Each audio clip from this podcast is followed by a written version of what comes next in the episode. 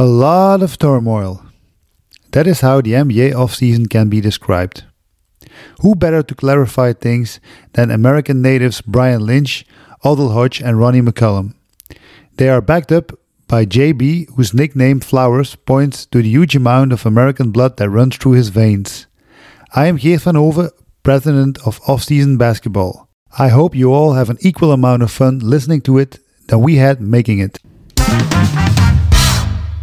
Okay, fellas, great to have you in the studio and talk NBA. The NBA season is being set up at the moment. It's time for predictions.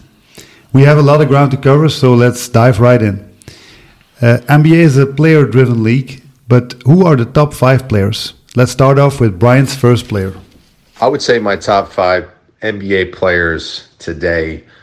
I'd start off with uh, Giannis Antetokounmpo. Just overall, seems to be a an unstoppable force offensively, and then defensively can guard every position, protects the rim. Uh, just an absolute freak. Obviously, the Greek freak. Um, so he's he's for me maybe the most dominant player in the NBA right now. Is it is, is it unanimous? I think it's an evident choice. For me, no. Uh, it's still LeBron James uh, until somebody stop him. Until he retires, for me, it's still LeBron.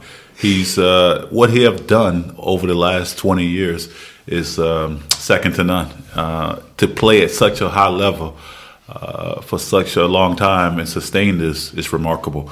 Um, until somebody knock him off of that, like last year alone, thirty points a game.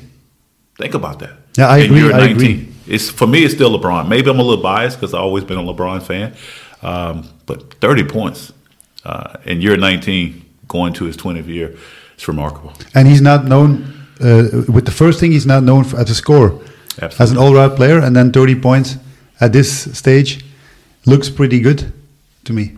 Well, I mean, I understand. Always been a LeBron fan for years. LeBron is not in my top five currently. He's a phenomenal player, but I just think there are other players that do more things. I won't say better, but more productive and consistent than he does. LeBron is phenomenal, but I think Giannis is clearly the best player in the NBA, and I think everybody who's starting a franchise right now takes Giannis. Absolutely. Uh, to build around. To build around, absolutely. But ha does it have anything to do with LeBron not being successful, not going to the playoffs, or doesn't? No, I just I just think you know Father Time is undefeated. I just think he's lost a step. He doesn't play as many games as he has been, but when he plays, he's ultra. You know, he's ultra consistent and those kind of things. But you just don't get him every night. It's the same with AD. He's a good player, but you just don't get him every night. And I think that's where Giannis separates himself. I think if you compare Giannis and LeBron at the same age, LeBron is by far better than what Giannis is. But as of right now, Current- current. current player, Giannis is the best player in the NBA. Maybe NBA. Maybe you're right. Um, and we know Ronnie knows his basketball. Uh, there's no question about that. But think about everything. Okay, NBA, you can give it a place. But he also played the European Championship this year too, which had to say they was one of the favorites. Um, yeah, It didn't work out. didn't work out. I would go with Ronnie for this one. Um, being unstoppable offensively, being a presence in defense, pff, you can go around him. I would play him at a five, so I go small ball with Giannis, small ball, and then uh, work around Giannis with a with another four guy wingspan. So Do he make his teammates better? Absolutely. I think he does. Khris Middleton is not an all star unless he plays with Giannis. PJ Tucker is not an all star. Of, of, is not a starting five in another team without Giannis. Bobby Portis is not productive. if He doesn't play with Giannis. Pat Connaughton is not productive unless he plays with Giannis. LeBron got his teams in 2007 and 2018 to the finals with not a second All Star. Antawn Jamison. All right, Garrett, next one. Who Antoine? Who? uh, okay. Um, already uh, we're talking about LeBron, but let's see if uh, Brian has him in his uh, top five. This is second player. I would say the next guy that comes to mind would be Steph Curry. Uh, the way he impacts the game, uh, especially offensively, uh, for his teammates, which is something that nobody really talks about. Yes, he's an incredible scorer and shooter, can basically shoot it from any point of the court um, nowadays. But the way defenses have to defend him and how open and how much his teammates uh, get easy buckets off of how they have to defend Steph is quite amazing. Uh, they show so much. They're switching, and, and guys just get wide open just because everybody's attention is on Steph and his ability to score and shoot the ball. NBA Finals MVP and uh, champion, Steph Curry. I agree. I agree. I think in, in so many cases, or in someone else's top five, or even mine, I will put him over Giannis. Uh, I think he has that much of an impact. Uh, His enthusiasm also had to put unguardable. He's, he's probably one of the most unguardable guys uh, we have seen uh, in this generation in a long time. Um, he has changed the game tremendously. Uh, but again, uh, once they had their complete team back, they're back where they was three years ago. Uh, representing the finals, and this year they won it again. And you have to put them at eyes on, on favorite to win it again, um, as long as they have their core guys. And they didn't. They don't even have KD, which is a premium player, and he does it now with other players. Well, think about this. They didn't have KD their first championship also, which they should have lost again to Cleveland, but but they won anyway. Um, and then, yeah, the second year they did lose, so uh, they only that. Yeah, a guy can they can laugh and they can joke about that, but um, I mean, think about this. They was down two one in that series in 14 and, and 15 to Cleveland, uh, and then found a way to, to start this dynasty off. So uh, Klay came back last year, uh, immediately impact uh, and then they won it again. So right now, you have to put them as the favorites. I, I think for me, I think I think Steph is my third. I think how you guard certain situations changes when you play with the Warriors. I don't think he's the player that you game plan the most because I think Giannis and LeBron affects game preparation more than Steph does. I think how you guard pin downs, how you guard handoffs changes. But I think with Giannis and LeBron, you have to load up so far on the ball when they come in transition. And that impacts your defense more than how you guard a handoff or a pin down, right? Because you know Steph is going to score. He's going to shoot threes. He's going to make them from deep. You live with them. But you can't live with LeBron and Giannis getting to the front of the rim all game because they put so much strain on your defense. And now they're drawing double teams. And that's what makes those guys so effective and the other guys more valuable because they can kick out. With Steph, he doesn't guard his own own position. And that's why I can't put him in top two because he's always on the weakest def- off def- offensive player for the other team. And they always put Steph in pick and rolls in every game that they put him in. So I don't, for me, he has changed the way we play the game as far as shooting and small guys have a chance. You don't have to be as big as LeBron or Giannis to be an impactful player. I think he's a great player. But for me, put him at two, I think it's way too high. Just for that reason, because I think – if I'm a, a coach and I'm preparing a game plan, Giannis scares me more than Steph. But you right? would blame him on your starting point guard, right?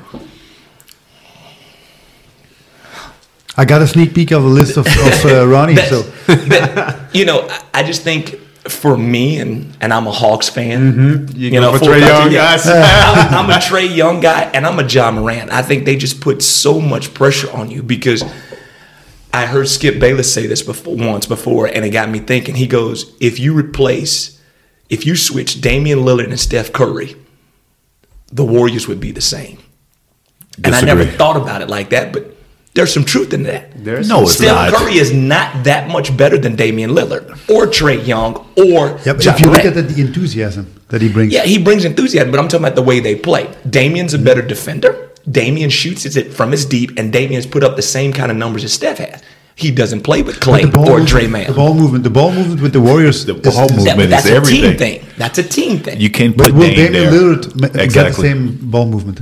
That's no, my thing. That's, no, they, that's they up to Steve Kerr. Let, let him yeah. play them Warriors ball and let the ball go. If Steve Kerr says let's go, then but they have to fit in that. They have, to fit. But but is Steph Curry that much better than Damian Lillard? Yes. Is Steph Curry that much better than Trae Young? From, from the from it's the, not even close. From the naked numbers, not maybe not. Close. If you see the, the numbers, only the numbers, maybe not. But if you see what's happening on the court with everybody around him, the enthusiasm that he brings, the ball movement that they bring, getting everybody involved. I don't think that that uh, okay. Lillard would, we, would have. We, we we have we have a sample size of that, right? Okay, when Klay was out for 900 some days, what did the Warriors do? Wasn't Steph Yeah, but out? he's a key player. But wasn't Steph out also? And- and no, it- Steph played most of that season. They finished what ninth or tenth or something, right? what, didn't they have Nick Knack injuries also? Yeah, but wasn't but every- Draymond out a little bit too? Every team is going to have small injuries, but I'm talking about when you're when you're one of your core guys is out for the whole season. Steph's season wasn't that spectacular. He he put up numbers, but there's no different than what Damian Lillard does without C.J. McCollum. Here's the question Anthony again. Simons is the best second player on their team. Dame or Trae Young? Do they make their teammates better? Absolutely, Trae Young's been to a conference finals. That was watered down. it is what. It, okay, then we can say that about LeBron's title in the bubble. Yeah, we can always say that. Of course, I've always said that. But Eastern Conference, he made it to the conference finals, and the second best player on that team is John Collins.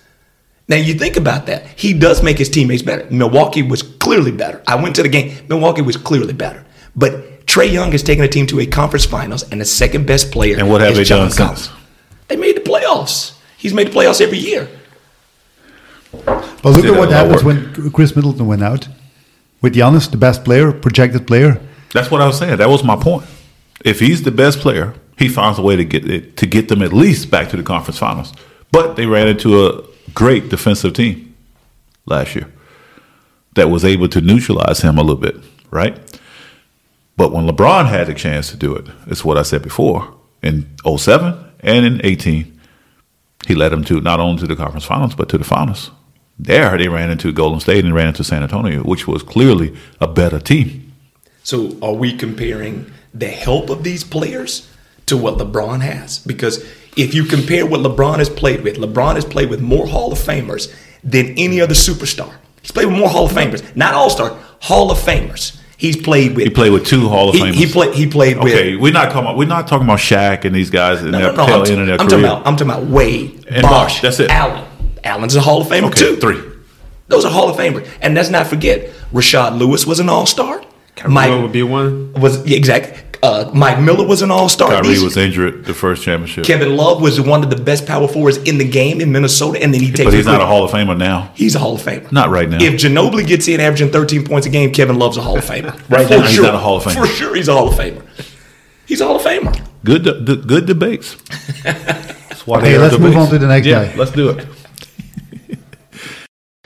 The next guy I would say is Luka Doncic. You just say, you know, overall, you watch him in the European Championship, you watch him in the NBA. He he's just uh, just a t- un, incredible, unstoppable force. Also, just you can't can't really guard the guy. It seems it doesn't matter how fast he is or anything, but his size and strength and his I think he's deceptively quick. Uh, he seems to be able to get a shot off on anybody. His his range has gotten better and better with with each year. He's always been able to to get guys close to the basket and finish. Has a great back to the basket, um, you know, abilities. So Who's got Luka Doncic? Not at three. Um, not in my top five. Um, KD is my third one. Still, still KD. Still KD. I mean, this guy's seven foot, 6'11", seven foot. Shoot it from anywhere on the basketball court. Um, I'm looking for a bounce back year from him, from KD. Uh, I, I just think with all the drama and everything that's happening with the Nets and the way he left Golden State, uh, which is arguably why did he, you know, why did he leave? I guess he wanted to start something and, and try to uh, lead a team um, away from that. And, prove maybe what happened, do it. maybe, but um, okay, with all the dramas going on with Kyrie, and then they brought in James, and then with Ben Simmons, it's not fair. But I think why and when this guy plays now, just go back to the conference semifinals a couple years ago With the toe on the line. with the toe on the line. He he lose that game basically with a toe. Actually, his toe was not on the line. His shoe size one was on the line.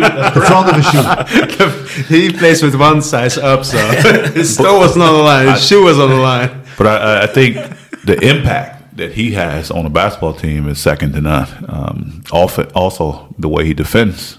Um, he's just had a lot of drama. Uh, okay, the Draymond situation in Golden State, do we really call that drama? Probably not. Depends on who you listen to.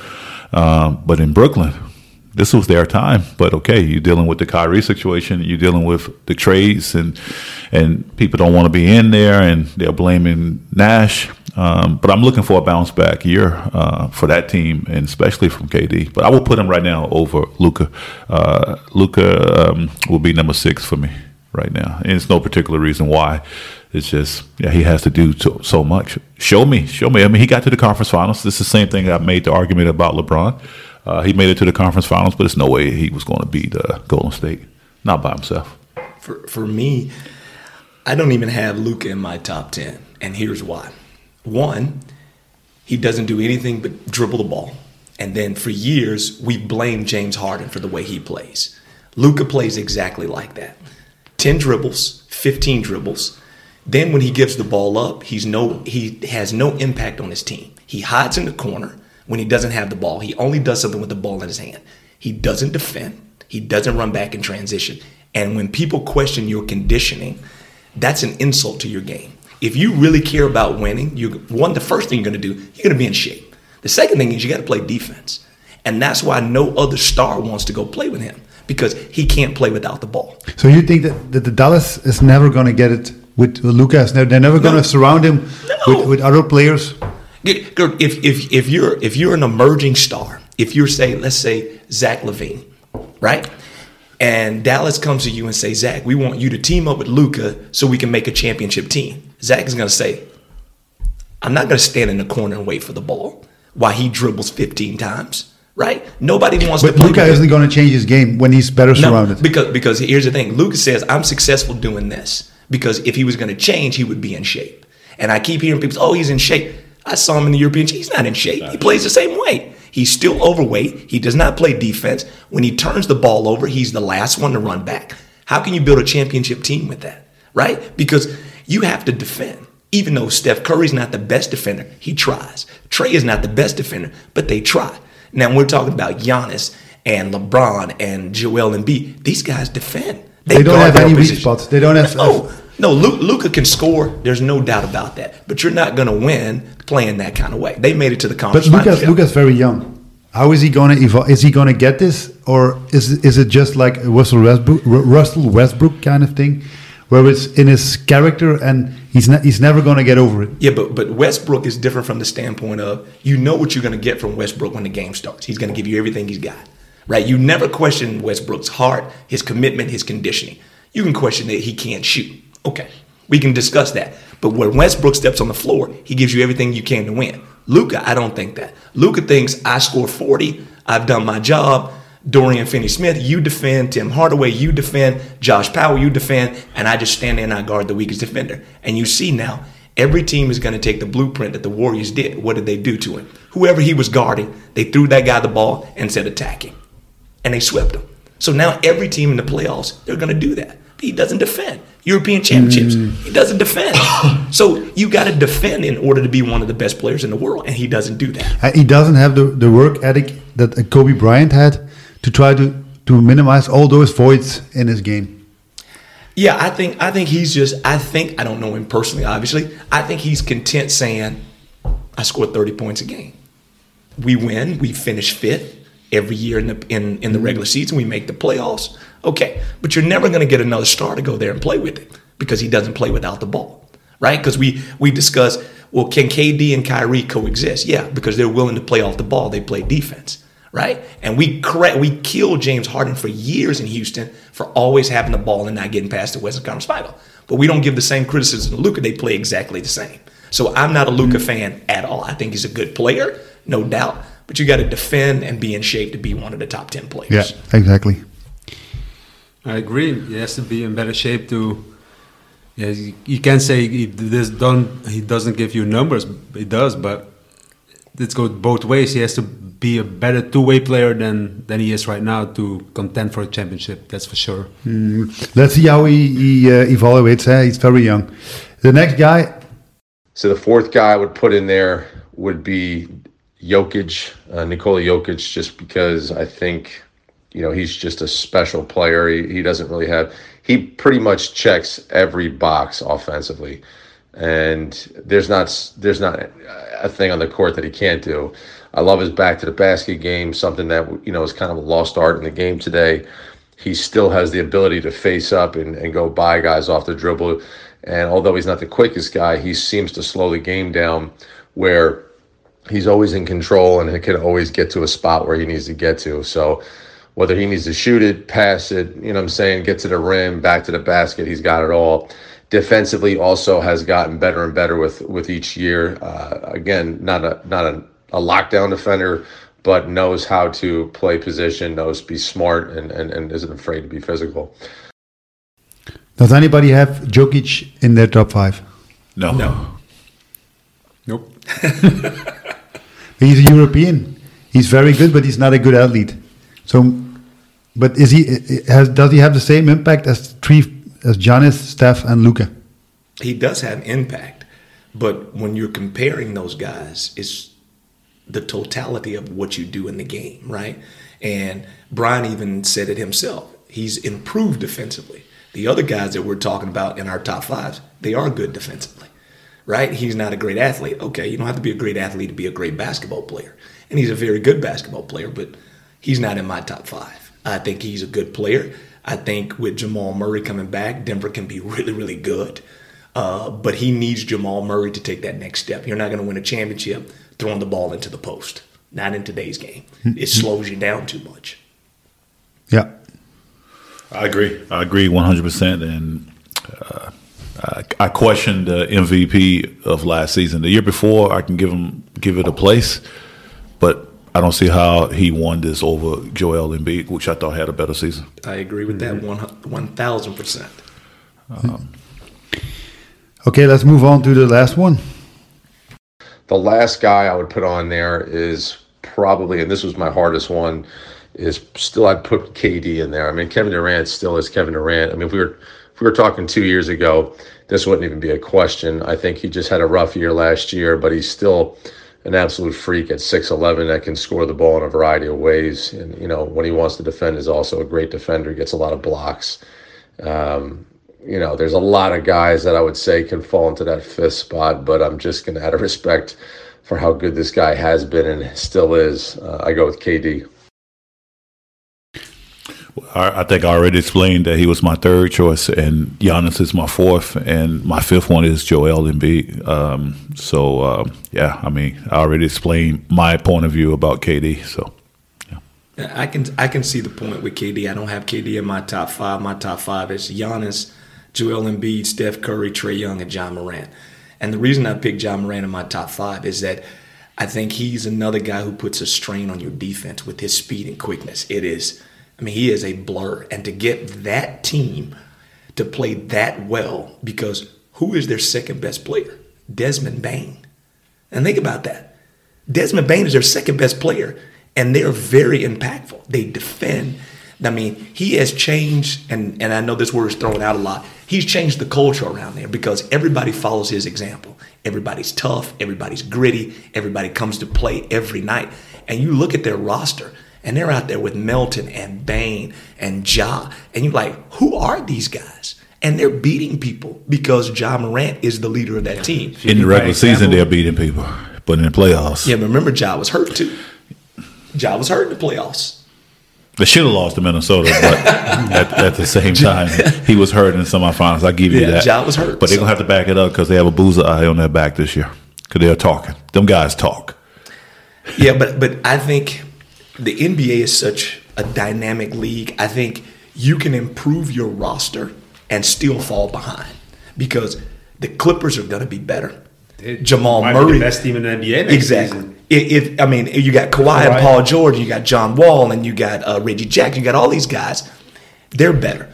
Denver with Jamal Murray, they're going to be better, right? So Ali, was that Ali.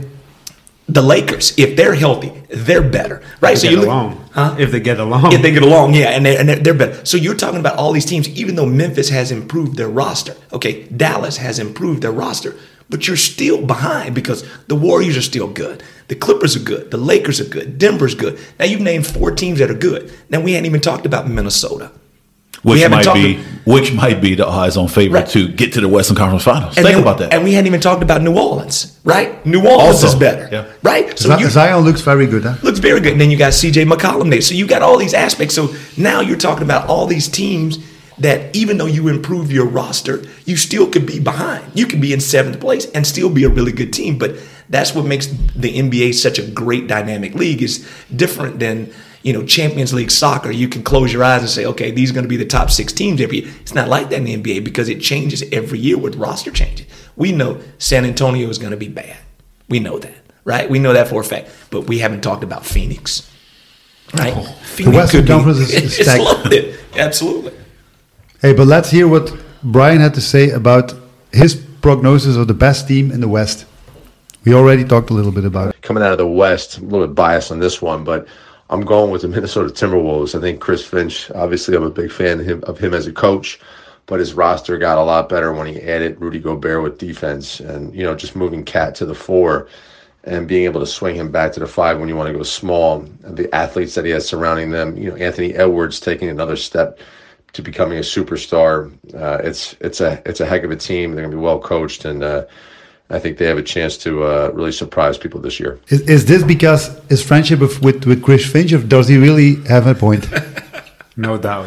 Uh, I think I agree. I That's think- because it's friendship. Absolutely. I think I think it's a little bit of both. Uh, I think um, it's uh, being loyal to Chris, and also when you look at their their roster, like he said, you know, and Chris have shown in everywhere he have coached um, that he gets the job done in Europe, the G League, um, and now in the NBA. You give him this type of team. I wouldn't bet against him, but in this case, um, I would have to say the Clippers. Uh, they are loaded. They can play If everything clicks, If, everything, clicks and Kawhi don't take so much load management, but maybe he can with this roster they have, uh, top to bottom.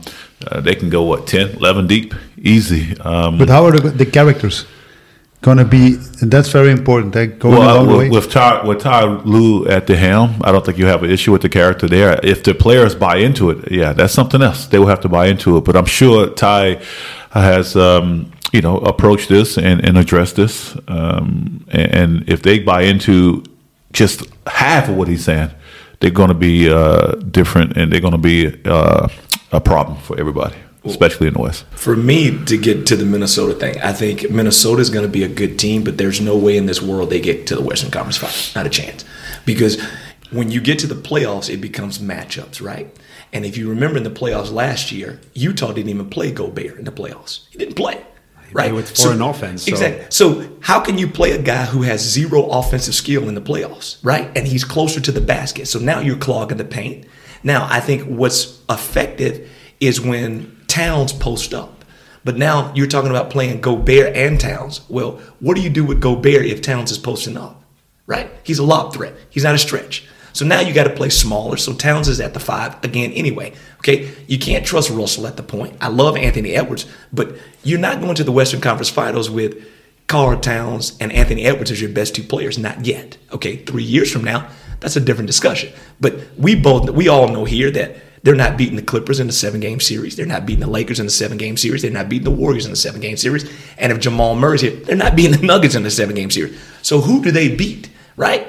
Can they beat Memphis in a seven game series? I don't think so because it, the game slows down. It becomes matchups, right? So getting to the Clippers, I think you've got the Clippers at a point where they're all mature enough.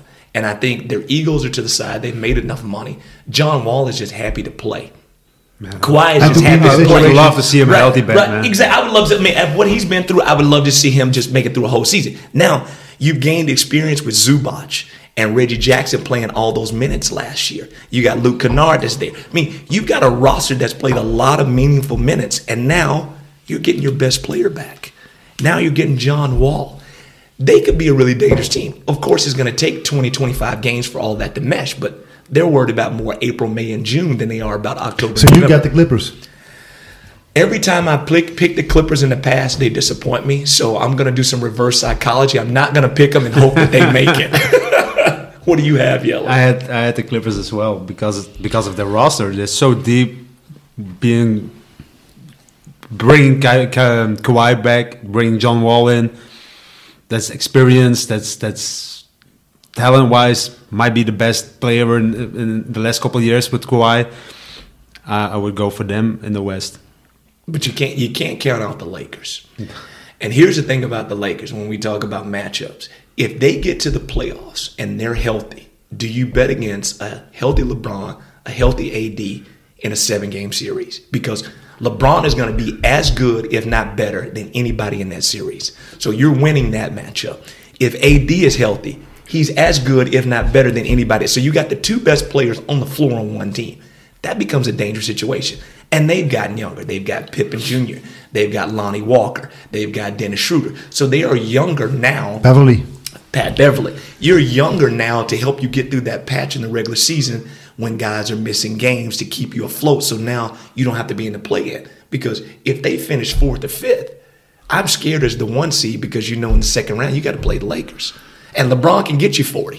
AD can get you 40, right? It becomes a problem in the playoffs. But if we if we talk like NBA Live or NBA 2K style, and everybody's healthy, that's this is what we're talking about. But Yeah, it's that's- hypothetical. Let's go It's- Warriors. it- it- it- it's, uh, we ain't even seen anything about the Warriors exactly. it's all hypotheticals, but I think we forget a year and a half ago, two years ago, they was up two one against Phoenix, and then AD goes down. Even Phoenix. You know, That's true. Um, but Phoenix have so much turmoil going on right now. It's I, talk, I'm a- talk about it. yeah, um, yeah. Let's talk about it. Um, this is a the this is contract, right? well, yeah, but this is a make or break year for them with everything going on with the owner and who's going to end up taking over and Chris Paul, what's going to happen there. Um, I don't expect this team to be the same if they don't at least get back to the Western Conference Finals. They're going to have to break this team up um, because no one has talked about Phoenix at all. Uh, you have to say there was a little disappointment uh, the way they lost to Dallas last year after having the year before. But that's yeah, it's what Ronnie said before. The Western Conference is no joke. It's it's hard to predict because we can say now he called out four teams without mention the Minnesotas or the Phoenix or Dallas or even Denver in there.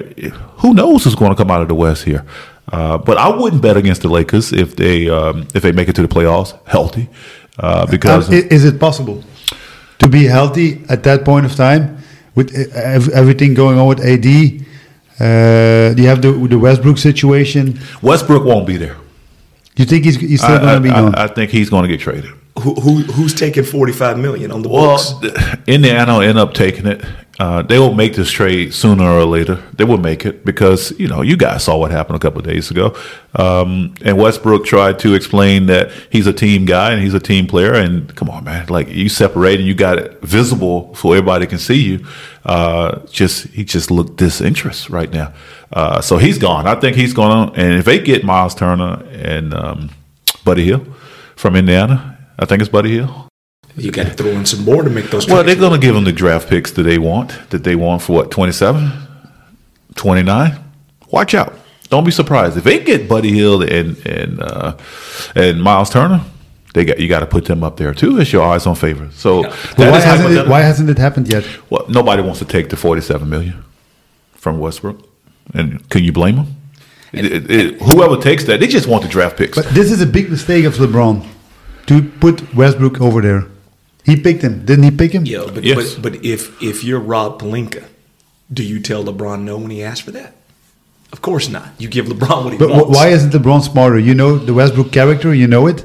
Yeah, but but who else out there can you get? at that particular time. right? That's going to be as in, impactful as him, right? LeBron is so good, he can make up for the deficiency of his teammates, right? Yeah, he thought he could twitch him Right, around. right. But you don't know how a person is until you get them in practice, right? You can only look at the talent of them. You don't know the character, the work. You don't know those things until you get them in practice.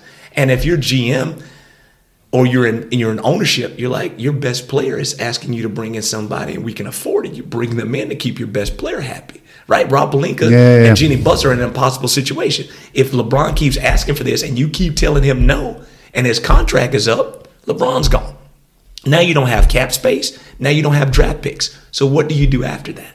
Right? So how can you sell that to your season ticket holders? Right? And get into the Phoenix situation.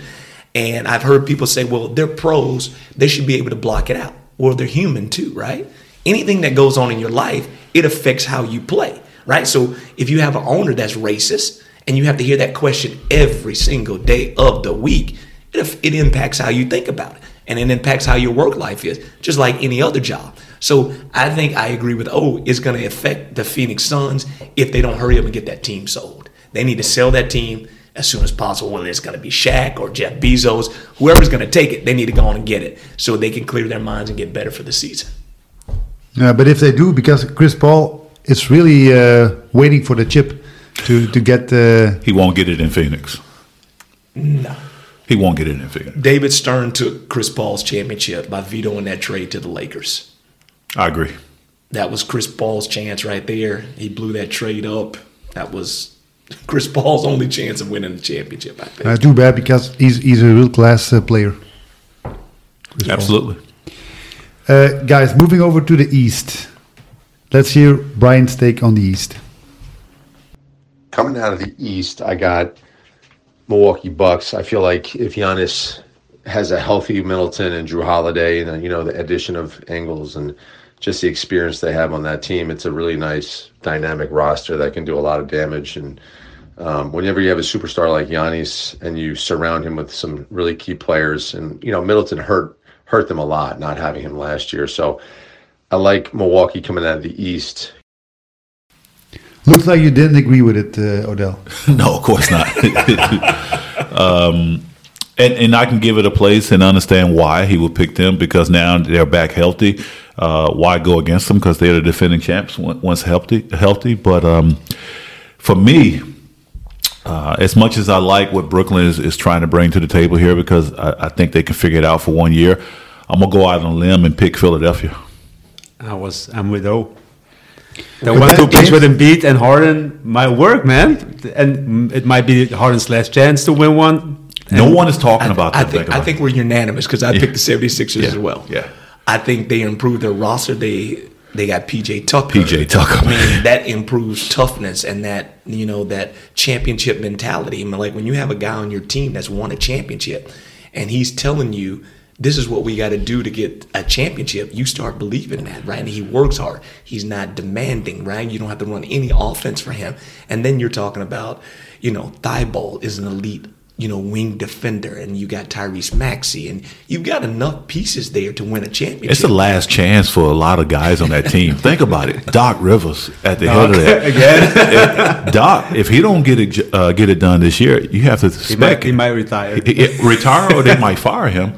And then same thing with James Harden. If he don't win it this year, so I think they have something to prove and odds on favor. Forget about Boston. They they they'll be lucky to get out of the first round this year, uh, considering everything's going on there. Um, you have to give them a little bit of respect because they are the defending the Eastern Conference Finals. But no, man, you have to. and, and they've improved their roster with, Exactly. Mal- with Malcolm Brogdon. So Yeah. talent wise on paper, they're better, but like you said, they're going to take a step back. Yeah. Right. So I, I just it's just interesting because we we haven't talked about the Miami Heat. They're always good. Milwaukee didn't improve their roster, right? And I think you know Khris Middleton being hurt last year affected them, but I just don't see them improving because everybody knows what the formula is against Milwaukee, right? We load up, we force Giannis to shoot jumpers. He makes one or two. We live. It's the same thing what you said earlier. It's about matchups in the Yeah, playoffs. uh, matchups. Absolutely. And they had their run. They had their run. We talked about it, guys. K, KD's size, his shoe was too big. And and and Brooklyn could win this thing. Yes, right. The, what scares me about Brooklyn is when you have a player on your team who doesn't trust the coach. So they basically don't listen to Nash, right? And we Uh, all will, will they, or did it, did they get settled? Did they settle it out? I, I think. Uh, I think I perception, think they- yes. I, yeah, I think on the outside, I think they tolerate Nash, right? Because if you watch them play, and he's talking, they don't listen. They literally walk past him, and then in timeout, they're all looking in different directions, right? He does not have control over that team, and then Kyrie is trying to run practice himself. He's doing his own drills, telling them what plays they're going to run. I mean, they're not. so they have two courts, one court where the team practices, and the, the court next to it, there's uh, Kyrie. Kyrie's over there, right? I mean, and, and what what is Steve going to say to those guys, right? I mean, KD. And it's such a player-driven league. Uh, they have so much money, they don't need to listen to anybody. I, th- I think I think they do listen to a point where they feel like you can help them. And if a player in the NBA, especially at that level, feels like you can't help them, they just tune you out. Like because they're going to listen to Popovich, they're going to listen to Doc, right? They're going to listen to those. And guys. that might be about it. They're going to listen to Spo. Spo- they're going to listen to Spoelstra. Yeah, exactly. They, I mean, But who else would they listen? Yeah. Budenholzer, they listen to those, but They're not going to listen to Darvin Ham. with all due respect, he might come off as a tough defensive man uh, guy and preaching everything that needs to be said. But at the end of the day, Hey, but that's the same thing they said about Tyronn Lue in the beginning. He's he's a puppet of uh, LeBron James. but Tyronn is he's different though. He, He, he's proven it, then. That he's already the- proven it, and he's a high demand coach as it is. So, and he comes under some good leaders. You know, so yes, they're going to listen to him, and he has a championship. Hmm, Let's hear what Brian had to say about the Nets. The Nets this summer were an interesting case. I kind of rubbed me the wrong way to see how things played out. Uh, the power of the the players over management uh, and the coaches, not something that you would see in Europe. Uh, and uh, I'm glad that the Nets kind of stuck to their guns in the end. KD and and, and Kyrie stayed. Uh, at what expense, I do not know what it cost the team, but for sure, they should be very good this year. You still have top players. I do think Ben Simmons is going to play a very good role there. And, you know, you know, Steve Nash is a young coach. People don't realize how experience matters. So each year, I think he's just going to get better and better. And so I do expect the Nets to be, you know, a legit contender this year. And uh, and and see, you know, see if KD can kind of put the team on his back. You know, I put him as one of my top five guys because I still think he has the ability to to take a team and, uh, and win a championship with some p- nice pieces, and he has those nice pieces this year. How do you go ahead? Oh, sorry, sorry. I, I totally disagree with Brian. I don't think Steve does a good job. I think Steve is a nice guy. I think Steve got that job because of his playing career, obviously. I just don't think Steve is doing enough adjustments from in game and then from game to game, right? It is the same lineups, the same sets. You know, he's saying one thing in the interviews after the game and during the game, we need more ball movement, but you're not doing anything to improve ball movement, right? And if you look at their roster, I like Ben Simmons. You can play him in multiple positions. I love KD. I love Kyrie. Okay, after that, who are you going to play? You're going to play Thomas. He can't guard anybody. Can't trust him. You're going to play, I mean, uh, Harris. Sorry. Joe Harris. You're going to play Joe Harris. He can't guard anybody. You got to play Cam Thomas, even though he's on that rookie contract. Okay, do we trust Nic Claxton enough, right? And I don't think Steve is the kind of personality that's demanding enough to get those guys over the hump, right? Because we had just talked about they don't believe him, they don't trust him. And I don't think he's doing a good job, right? I think there are other coaches in the league where even if they don't have any NBA experience, right, you're going to gain trust from your players by how hard you work and how knowledgeable you are, right? And I don't think he's shown either of those. One hundred percent agree with you uh, from top to bottom. Um, but how do you take that team seriously, or how do you take that coach seriously? How do you respect a guy when your best player calls you out in the off season? How do you respect him? But how he do you go in that locker He room? brought him in himself. So well, did he? That's what the rumors say, right? But did he? I think he signed off on it, but did he really have that much of a say in bringing him in? That's what I wanted to bring up. With such a team, wouldn't you go get a more experienced coach with such a team? But I is know one, is one like that available? That's my question. Well, How, yeah, how many coaches? How many coaches would be a good fit for that situation? Well, you here's talk the- about Popovich, Spoelstra. You, you, you have, you This have- is three years have- ago, right? You have Dave Joerger. You have uh, who's the coach that was in the Lakers uh, that won a championship? Uh, Um, Vogel? Vogel. Vogel. You have Vogel out there. You have you got a lot of guys that are able. Wasn't to do it. Tyronn Lue available? Didn't KD want him? Yep. Before he went to the Clippers? Yep. Wasn't this something that was talked about? I mean, you, I mean, Pop. Like, okay, Pop probably wouldn't leave San Antonio. That's probably going to be his last job. But I'm talking about something like this, where these guys is going to say, okay, you know what, bam, because they won't pull this off. If Ty Lue was there, okay, you can't proceed or foresee injuries or anything like this, or the COVID vaccine and everything. But if Ty, Ty Lue or anybody of that caliber was there, they might have already had a championship. Is this any um, disrespect to um, to Steve? Maybe a, a lot would think so, but it's not meant to. It's just they don't respect him as a coach. And and how many coaches that coaches that caliber of team continue to get multiple chances, right? I mean, I mean, we've seen coaches fired ten games into a season. We've seen coaches make the finals, coach fifteen games the next year, and then they fire the guy because they don't think he's good enough to get their championship. So we've seen that. We've seen coaches get fired and they hire an assistant coach off another team during the season. So he gets enough opportunity, and people say, "Yeah, well, he needs a chance. He needs a chance. He needs a chance." Yeah, I got There's one. only thirty jobs in the NBA, mm-hmm. mm-hmm. right? Mm-hmm. I, I got one for all of you guys. Something that me and Brian discussed with his brothers over the summer when I was visiting him. How many of you guys think Steve Kerr is a good coach? I think he's fantastic. Me too. I think he has uh, a bag on his on his shoulders with so many much experience. I agree with you. I don't know if he's so much of a good coach. He inherited a team that was pretty much gave to him from Mark, Mark- Mark Jackson. Jackson did a great job with He- that, Mark. Jackson did a great job. But he, he trained Kept going. They- like- they- and, and that's what I was alluding to. They won 50 games that year. Yes. And made it to the conference Yes. semifinals, and they fired him because for personality reasons or whatever. right. And then Steve Kerr walks into that situation. Now, what I say that Steve Kerr does a great job of, he is he's learned from Phil Jackson. He's learned from Popovich. He's great at managing egos, personalities, and played with the big, maybe the biggest ego ever played. So Right. So knows- I, th- I think X's and O's they do great stuff. So the same time it- that he takes this Golden State job, the New York Knicks was open. He turns this down with his guy Phil Jackson to take this Golden State. Okay, maybe some inside information there, uh, but would he had the same success?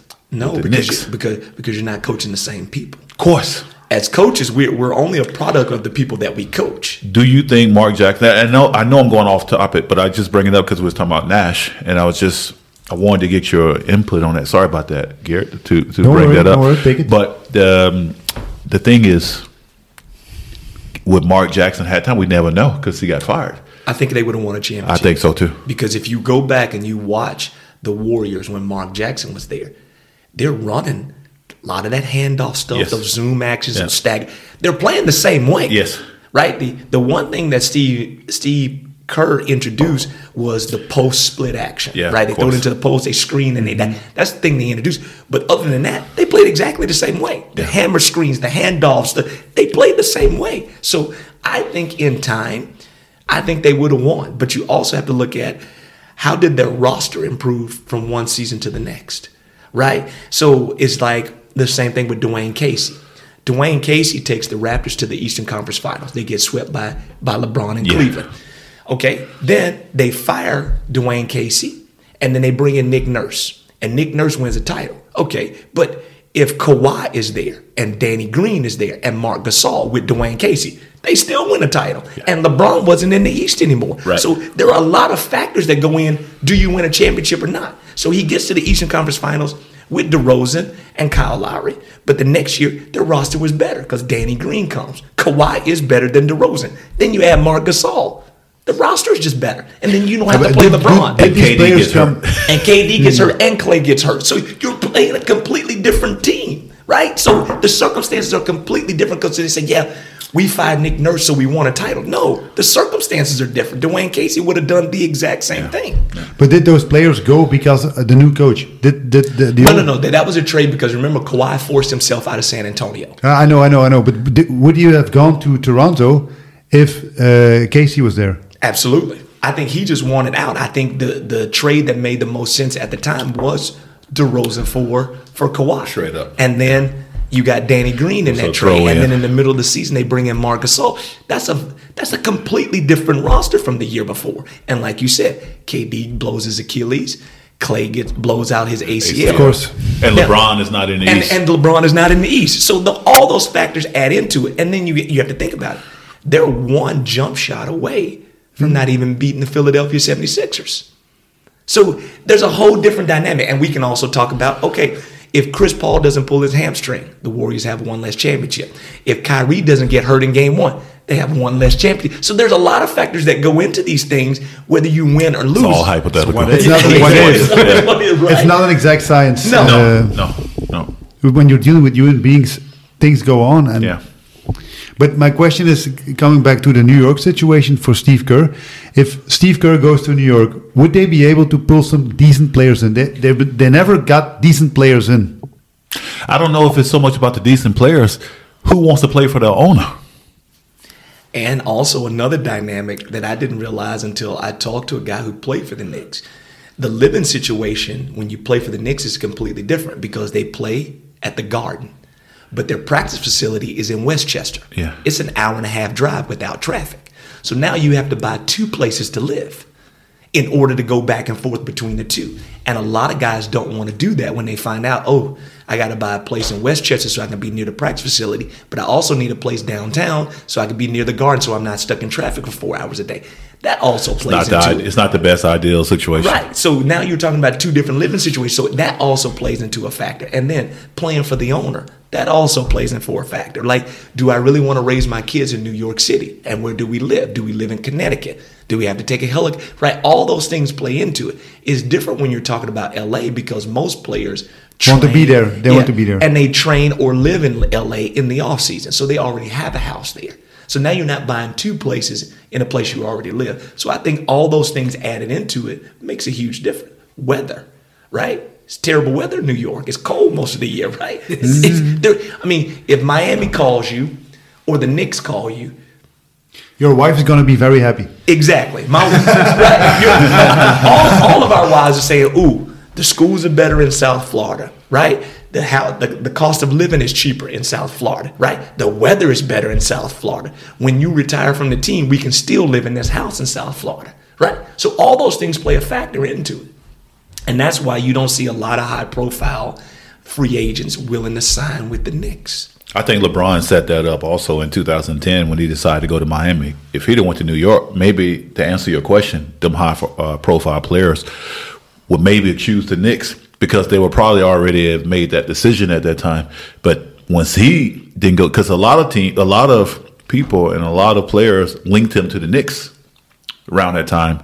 Miami, you only heard it like a few days before he actually made that decision. Think about that. Now, is is that? Do you think that was there was some truth to him going to the Knicks, or just because that's the media capital of the world, and they were hoping that LeBron would choose the Knicks? Because we watched Stephen A. Smith, and he loves the Knicks, and he's always putting Donovan Mitchell's coming here. We need, right? He's always saying because KD all- also. KD. KD, yeah, Kyrie, right? and- Everybody, They put all a the New York up. media always says the Stephen Knicks. A. seemed generally upset over the KD Kyrie situation more than the LeBron. But I agree to a certain point, maybe because of the hype of the media capital of the world. But I think everyone thought KD and Ky- uh, Kyrie was going to end up with New York. The next came out of nowhere. Um, basically, it just came out of nowhere. Um, but again, no one wanted to play for the owner. It's what you, you know. It's what you hear. Um, but And- okay. And, and I'm going to put this out here. Madison Square Garden is a dump. It's an old Yeah. arena. Yeah. It's crap. I've been there and I've been to at least 15 other NBA arenas and it's by far the worst arena second I've that. to. It is a dump. Like in Brooklyn, you have brand new facility. It makes it makes a difference. Well, that practice facility is inside of the Barclays, also there in Brooklyn, which makes it ideal. Uh, but when you travel into um, uh, Penn Station there in New York, Madison Square Garden's right above that. Um, and man, it's construction here, construction there. It's a dump. It's A couple of years, uh, the Cavaliers took the the train, underground train, to go to, pra- to Yeah, the game. because, Yeah. because, Metro, because, Metro. because it's it's a disaster driving. I mean, we've already been in New Yeah, York. yeah, you don't want to you don't want to ride a bus or be on a bus driving trying to get to Times Square, get through Times Square to get to the Garden. It's probably the best way you you can uh, get there uh, by transportation. But yeah, I agree with Ronnie. It's a dump. It's, um, it's so they're never going to get it in the next ten years. unless you unless you relocate. But who wants to relocate from the um, what is it, the world's famous arena? Yeah. So And, um, I mean, you like you said, you're gonna have to build your office. You got to put your offices next to the garden. You got to put your practice because as as players, we've all been players. We love convenience, right? I don't want to drive an hour to go to practice and then drive another hour in a different direction to go to the arena Especially with all the traffic. with the traffic. And, And, then then and shoot then- around in the morning. You have to be at one gym, and to- for the game, you got to be in another gym. Exactly. Like you, you want it as as comfortable and as convenient as possible. You want to do everything in one facility. And that's what most NBA teams have done. They have everything in one facility. The. Warriors, The Warriors, the the Clippers' new facility, like, even the Charlotte. Kings. Charlotte, uh, Milwaukee, everything is Warriors in one slash facility. Oracle. Yeah, and now they're in a new place. Everything is in I one think facility. the Clippers' new arena is going to set a trend of how arenas should be uh, built. Like What's Golden going to be new there? Uh, What's going to be new? in- in the- Well, well, with, with with new arenas now, uh, I know this about because we went to uh, we've been to Charlotte, we've been to Memphis, we've been to Atlanta, we've been all of these places in the last couple of years. The access to everything via Wi-Fi. Yeah. Right. Everything is on your phone. You're getting live. You can stats. order. You can order everything. You can order. You can you can get replays. You can get uh, Spanish uh, commentary. You can get a different commentary on your phone. So as soon as you So you put your earplugs in and you can listen to it. Any kind of way you want to. You can go in there and have your kids hold your cell phone and they get interaction. They get they have a, a tunnel camera. They've got the cheerleading camera. They've got the mask. They, like there's so much interactive stuff. And there's so much stuff going on at an NBA game. And I think that's where you have to be now. Like you said, you can order food from your seat. Right? You can order merchandise to your seat. Like you literally don't have to get up to do anything anymore. Okay, ooh, Trae Young just hit a step back three. Ooh, let me see that replay. And you pull it up on your phone instantaneously. So, and I think what he's saying is that you're going to have, like, there's a barbershop in the arena in Atlanta. You can go get a haircut while watching the game. There's five star restaurants in the arena and you can eat while watching the game. You can shop. They even have swimming pools in some arenas now where you can swim and get in a hot tub during the game. And I think that's all that stuff, all those amenities are going to be right in one spot. Now, instead of going to the game and spending two hours and leaving when the game is over, now you're talking about spending five, six hours at the because arena. everything around it. Because everything around it. You go to the mall, they took the game as an extra. So Yeah. Exactly, exactly. And those owners are saying, if we keep you in the arena for five or six hours, how much money are you going to spend? You're going to eat there. You're going to shop there. You're going to lounge there. You're going to get a haircut, right? Everything. It's not be that done. expensive these days. It's not that expensive, no, not like it used to be. And when you compare, think about this: going to a game, an NBA game, if you eat outside the arena, you're going to spend just as much at that restaurant that you do for a ticket. Yeah, of course. You understand? Now you, you they make it friendly, more fan friendly by having everything so in, in a close. Uh, Under the same roof, everything Yeah, on probably the if you buy a, a ticket for one game, you get access to the swimming pool included that ticket, or maybe something like that. And that's a win-win because you're going to spend some money at the swimming pool. Mm-hmm. So especially for these afternoon games, and if you go on with your family. And and if and if you're a fan of a team that's not doing well, you can get these four, eight, 12 game packages for like 80, 90 bucks, right? I mean, well, that's a great deal, right? You And only for the extras, it would be a good price. Yeah, yeah, sure. yeah. But even even if you you can get a four four game, pa- I think the Grizzlies last year, I I have an email and I'm subscribed like the Pelicans and, and the Grizzlies. You can get a four game package for sixty bucks, right? Fit- Four fit- games for sixty bucks. I mean, and you're like And decent seats. and decent seats, and you're in the lower bowl, and then you get free parking with it sometimes. And sometimes they add, okay, if you buy this four game package for a hundred, uh, you can get two hot dogs, two drinks, a nacho, and free parking for this price. And you're like, that's a great deal. like, and they're keeping you at the arena. Yeah. gotta turn up the heat though. It's cold in those arenas. well, you know what it And, is. and they that's just- that ice on the floor because they have Oh, hockey. That's why it's cold in those Yeah. arenas. Well, because they, you know, in the states, it, it all depends when you go because they believe in air conditioning. You know, here in Europe, we don't have air conditioning in most of our um, facilities. So it there, feels cold. It, it feels cold. and, and, and, and it is and it is cold too because you you have to remember most of these arenas are being used 250 days out of the year. Yeah. It's a concert on Wednesday. It's a hockey game on Thursday. It's an NBA game on Friday. Right. So I played in an arena where they had an ice hockey game Yeah, the same night here. before. And if you don't get that temp, if you crank up the heat too fast, the court sweats. Yeah. So there's basically literally puddles that come from under the Yeah, ice onto the floor. yeah. So you have to gradually do it to get it to the right temperature. But like you said, it takes a while to get a, a, a arena to go from ice hockey to basketball, and you're in there practicing, and you're freezing, and you can see your breath. But it takes a while, and it's still a little cold in there. And you see NBA players come in and they're blowing their hands because it's cold in those arenas. It feels like us going into uh, Wallonian court. Uh, it brings up memories of Neufchâteau. There you go. We- we the saw- old gym. Nef- The old Nef. gym there. Yes, indeed. I mean, I mean, one thing that you you asked me about is um, the French kid. Yeah, yeah, the French kid. Exactly. And uh, my my whole thing is is that how good is he really? Is my first question. The second question I have is is that what is his desire to continue to get better once he gets to America? And the third thing is is that if you look at all the French players that have ever come out, they have all had the same stigma. They're extremely soft, right? and you we can go down the list. We can go uh, So Rudy Gobert. Gobert, Fournier. I mean, uh, the Petri, Mickaël Piétrus, uh, Boris Diaw, Ronny Turiaf. Right? Those are not the toughest guys, and they don't improve. Right? And then I know people are going to say, well, what about Tony Parker? Yeah, Tony Parker's American too, right? Yeah. But Dutch was raised in America. Right, right. He went to Chicago every summer to play. So French guys usually don't get much better, and that's what scares me. And I hate to put somebody in a box, but if you look at Boris Diaw. yeah, Boris Diaw didn't get better, and he was he was like forty pounds overweight at some point during his career. But if you look at your former Yugoslavian players, they're usually a little bit tougher, right? They're usually they fight hard and they're used More to fighting. tenacity. right? And then you you you talk about your African players, your Joel Embiid's, your Giannis Antetokounmpo's, right? There's a different mindset, but when you're talking about these French guys, man, they're just so soft sometimes and they don't improve. And and you're looking at Rudy Gobert, and I'm like, Gobert, you're 30 years old and you have zero offensive skill. Like And you don't see it improving. no, no Like, improvement. with for with. Giannis, you saw it improving the the the, sh- the shot. Well, has it's in his character too. It's in his character, Giannis, for He's for the freak- improvement. he's He's a a freak freak of of, nature.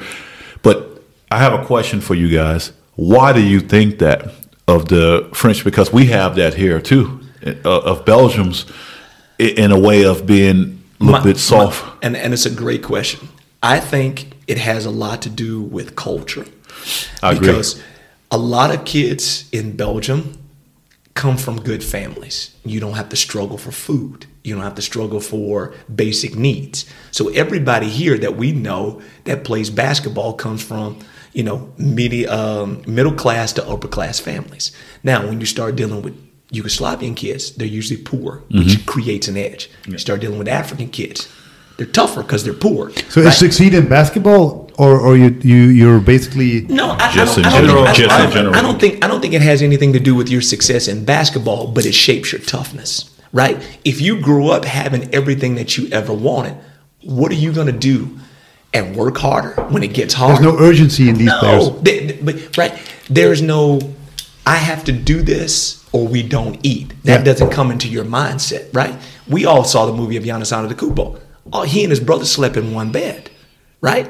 They they got kicked out of their apartment, right? That creates a toughness in you. Like I'm gonna get this done. You But don't if see that here. right? If you if you have everything, what are you fighting for, right? I can go. To, I can go to mm. university. I graduate. I get a nice job. The, the company I work for is going to give me a car, right? I'm waiting until I get married. We go ha- to a baby shower. We have a good time. There's nothing wrong with that. That's not what I'm saying. But in order to form a toughness, there is a common thread between the best players in the world and the environment and culture that they grew up in. It creates a toughness. LeBron grew up dirt poor, creates a toughness. Iverson and Uh, Jimmy Butler was homeless. Iverson was poor. Right. That creates a toughness. it's a life or death situation with those guys. Right. So you're saying, okay, the people that I grew up around, they have two choices. You either play basketball and become good, or you sell drugs, you go to prison, or you die. It's a pretty obvious choice. So now I don't want that lifestyle, so it creates a toughness in me. So my mom works four jobs. I don't know Hey, who my but what father about is. what about that Kobe Bryant? He, he's may, maybe an exception. That's the, that's the exception to the rule, right? Michael Jordan is also the exception. He grew up in a middle caste But I agree. But uh, but exception to the rule, absolutely. But it's good that you bring Kobe up because I think you know where I'm going with this because we are in similar situations or will be sooner or later. He also played in the states his high school ball. Yeah, that creates which toughness. it creates toughness also, and you guys know that my boys are there now currently, um, and I think everything that they have worked for here and the fundamental sound and being able to play skill wise. But what was knocking? Okay, what was knocking Matt over Jaden? It was the toughness. Matt is not tough enough, or Matt is not aggressive enough. Well, I'm gonna tell you this: he's gonna learn this over here, or Who's playing against the other kids who do who do have because that? because of Exactly. what he's because of what they are there for. Because every situation is different. But one thing they had in common, Kobe came in and he doesn't doesn't speak English, so he was a foreigner in America. Well, I think he speak English to a certain point. I think his Yeah, dad sure, spoke but, but yeah. he was not. He, he, he said himself, "I don't understood the slang. I wasn't with the guys in the locker room. So what I did is I just tried to out- outwork them. So he had, like Ronnie said, um, there was a bar- barrier um, in between him and, and the other kids, and he just outworked them, and it is the, the mentality of him just won that situation. Yeah, sure. But the, the advantage that the kids that is already there is so much is is far advanced than the Europeans that's leaving and go back. I know one of their teammates, one of Matt and Jaden's teammates, transferred from Italy. In the same situation, no English, American dad, Italian mother. The dad comes back with the boy, no English whatsoever. Mentally, that is tough on the kid. Um, but then but it's up to you to. The only way to get your spot is to do it on the court. you have to do it on the court because the guys is in front of you. Okay, in, in their situation, you have a few players there that is that is struggling uh, far as to to play at a certain level, but in uh, outside and in the opponents and the teams, which is already established, them guys, you know how everything is in the states. Everything is ranked. And, and you already have your players that's ranking ESPN top 30, uh, top 100, and uh, the class of 24, or 25, or 26. Everything is ranked. Guys are trying to survive there. And then and that's their way out of the poverty. that's their way. And, and- And they help their that- family. It's not about them uh, individually, it's, but it's, it's for everybody because not even the poverty aspect of it, the education, Just the education part, right? yeah. So because if I basketball work, gets you into colleges right, too. and, and it, unless you go for free, right, and that's a huge difference because if you look at Belgian kids, right, university is affordable.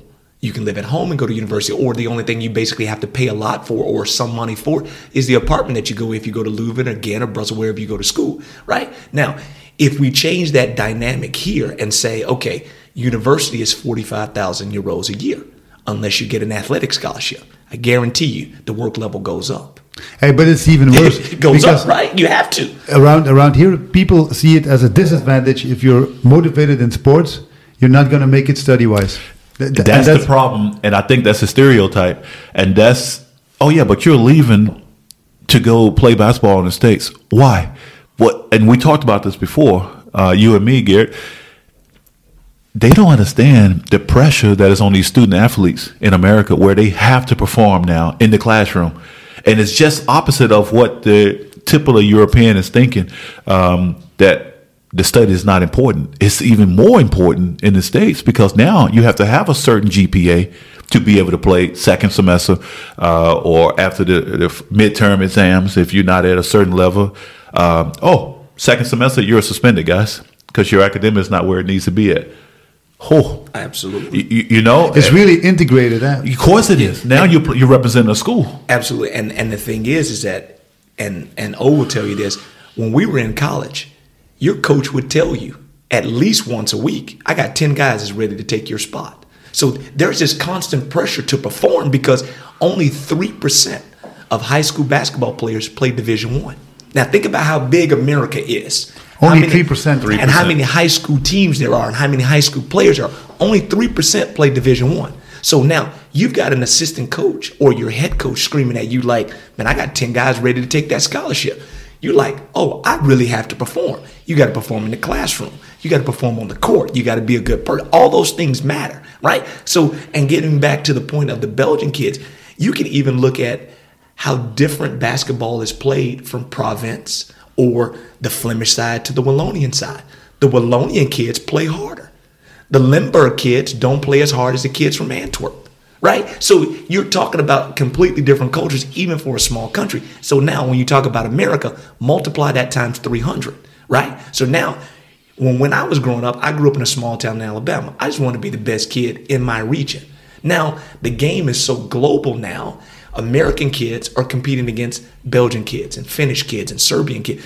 That was foreign to me in the 90s, right? Like I'm competing with a kid from Italy for a scholarship. Like, no, I'm competing against kids in Alabama. It doesn't work like that anymore because the game is so global. So it's even ramping they, up now. brought, they brought everybody in last week Yeah. from over, all over the world to play in the in the G League games. Exactly. So unless they have ten, now they have twenty guys. 20 trying- guys, right? And and you you're taking the European kids, you're taking Asian kids, you're taking Australian kids, you're taking African kids, right? Who's more hungry than African kids, right? You're talking about a kid who doesn't have running water, right? You're not going to outwork that guy, No, right? no, no. You know what I mean? Right? You're, you're taking you're taking kids with impoverished situations who are grinding for a better life and you're sitting up here and you got a swimming pool in your backyard and your parents drive Mercedes and BMWs and you're sitting on a PlayStation 5 and an Xbox, right? How are you how are you grinding to make yourself better, right? But then it comes to the point where you can't make excuses because a lot, I've heard a lot of kids in both countries, Belgium and America, say, "Well, it's not fair. My kid has been here the whole time." Well, your kid doesn't work. It, it started off. Oh, yeah. We were started off talking about the NBA. and It, it ended off in. Uh, I think you got two podcasts out of one. You're gonna have a lot to break down, G. a lot of editing. Hey, thanks for stopping by at the, the studio, and see you next uh, time. Man. Yeah, man. Thanks Thank you, man. Was a lot of Uh. Was it, lot was definitely fun, man. We can do this every time. Thanks, G. Appreciate it. I appreciate you having me.